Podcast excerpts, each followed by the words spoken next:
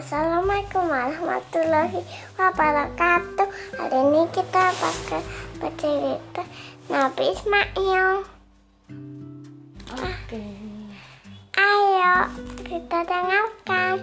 Cus, cus, cus. Ya, Assalamualaikum warahmatullahi wabarakatuh. Teman-teman, hari ini Rere mau dibacakan kisah Nabi Ismail alaihi salam.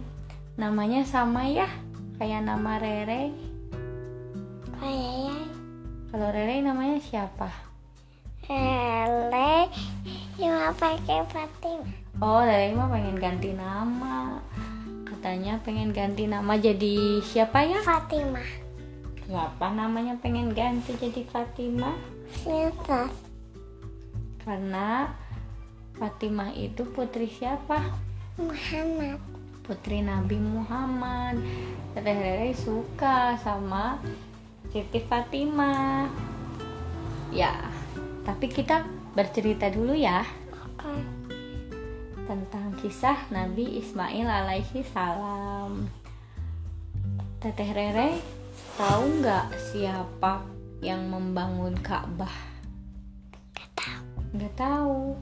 Nah, yang membangun Ka'bah itu Nabi Ibrahim dan Nabi Ismail. Ibrahim sama Ismail kembalan. Bukan kembar. Ada kembal. Oh, kenapa kembarnya? Ibrahim sama Ismail ham kembal namanya sedikit. Iya ya, karena sama-sama dari huruf I. I, Nah, tapi Nabi Ibrahim itu adalah ayahnya Nabi Ismail. Nah, bagaimanakah cara mereka membangun Ka'bah? Tahu. Kita simak ceritanya.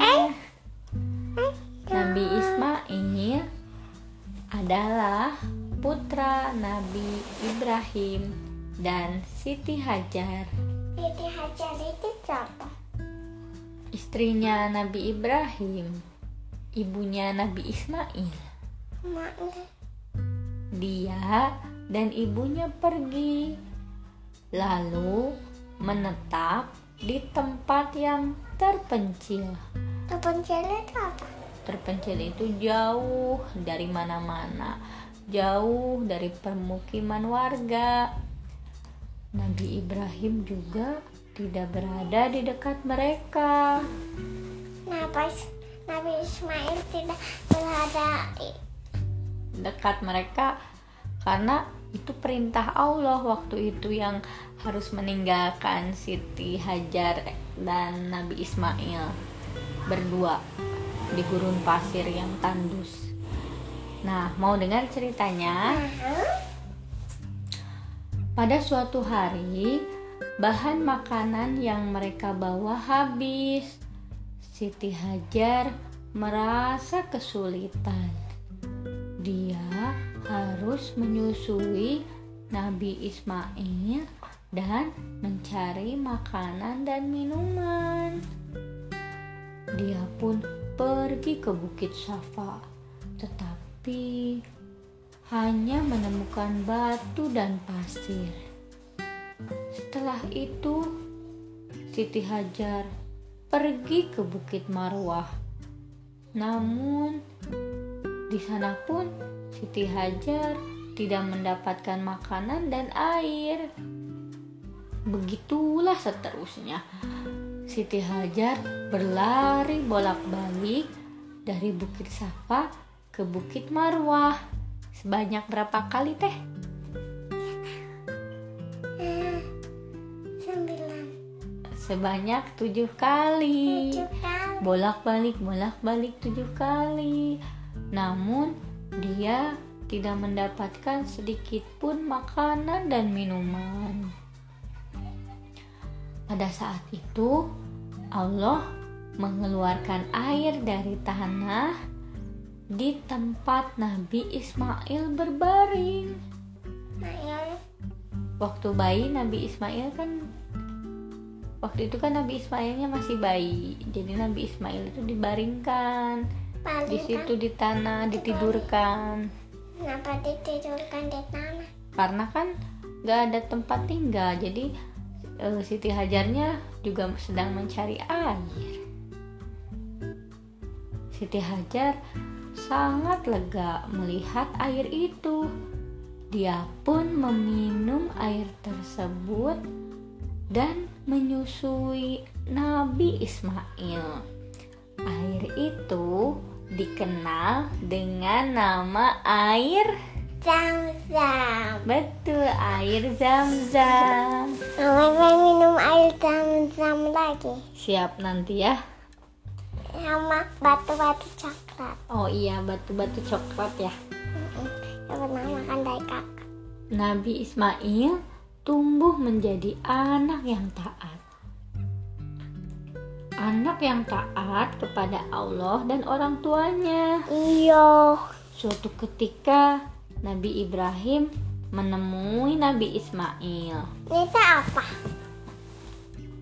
itu nanti Ibrahim berkata, "Hai anakku, sesungguhnya aku melihat dalam mimpi bahwa aku menyembelihmu. Maka pikirkanlah apa pendapatmu." Dia menjawab, "Hai bapakku, kerjakanlah apa yang diperintahkan kepadamu. Insya Allah, kamu akan mendapatiku termasuk orang-orang yang sabar. Itu dalam Quran surat As-Saffat ayat 102. Nah, ketika itu Nabi Ismail mau disembelih untuk menjalankan perintah Allah. Namun saat Nabi Ibrahim akan menyembelih Nabi Ismail, "Hai Ibrahim, sesungguhnya kamu telah membenarkan mimpi itu." Quran surat As-Saffat ayat 104 dan 105. Dan kami tebus anak itu dengan seekor sembelihan yang besar. Ayat 107. Allah menguji keikhlasan Nabi Ibrahim dan Nabi Ismail. Keduanya berhasil lulus ujian dari Allah. Lalu Allah mengganti Nabi Ismail dengan hewan kurban berupa berupa domba. Peristiwa ini menjadi syariat berkurban yang dilakukan umat Islam saat ini. Ketika Nabi Ismail beranjak dewasa, Nabi Ibrahim datang mengunjunginya. Ada pesan penting yang hendak disampaikannya. Nabi Ismail pun mendengarkan perintah Allah kepada ayahnya untuk membangun Ka'bah dengan penuh ketaatan. Nabi Ismail menyanggupi untuk membantu ayahnya. Mereka mengumpulkan bahan bangunan dan alat-alat yang diperlukan. Setelah itu, mereka menggali dan menyusun batu-batu hingga tinggi. Nabi Ibrahim meminta Nabi Ismail mencari batu besar ketika tangannya tidak bisa lagi mencapai puncak bangunan. apa yang mengambil batu besar Batu itu digunakan sebagai tempat Nabi Ibrahim berdiri.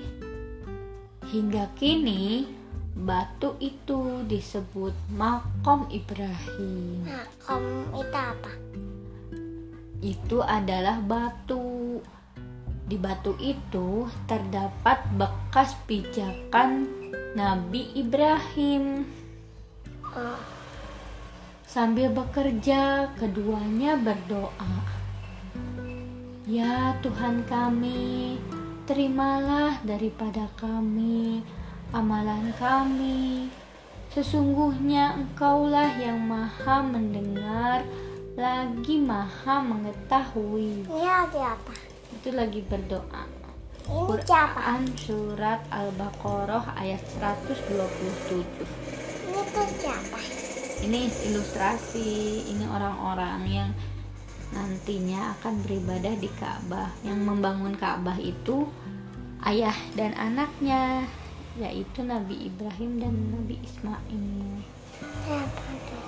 Tanpa kenal lelah keduanya membangun Ka'bah. Mereka terus berdoa.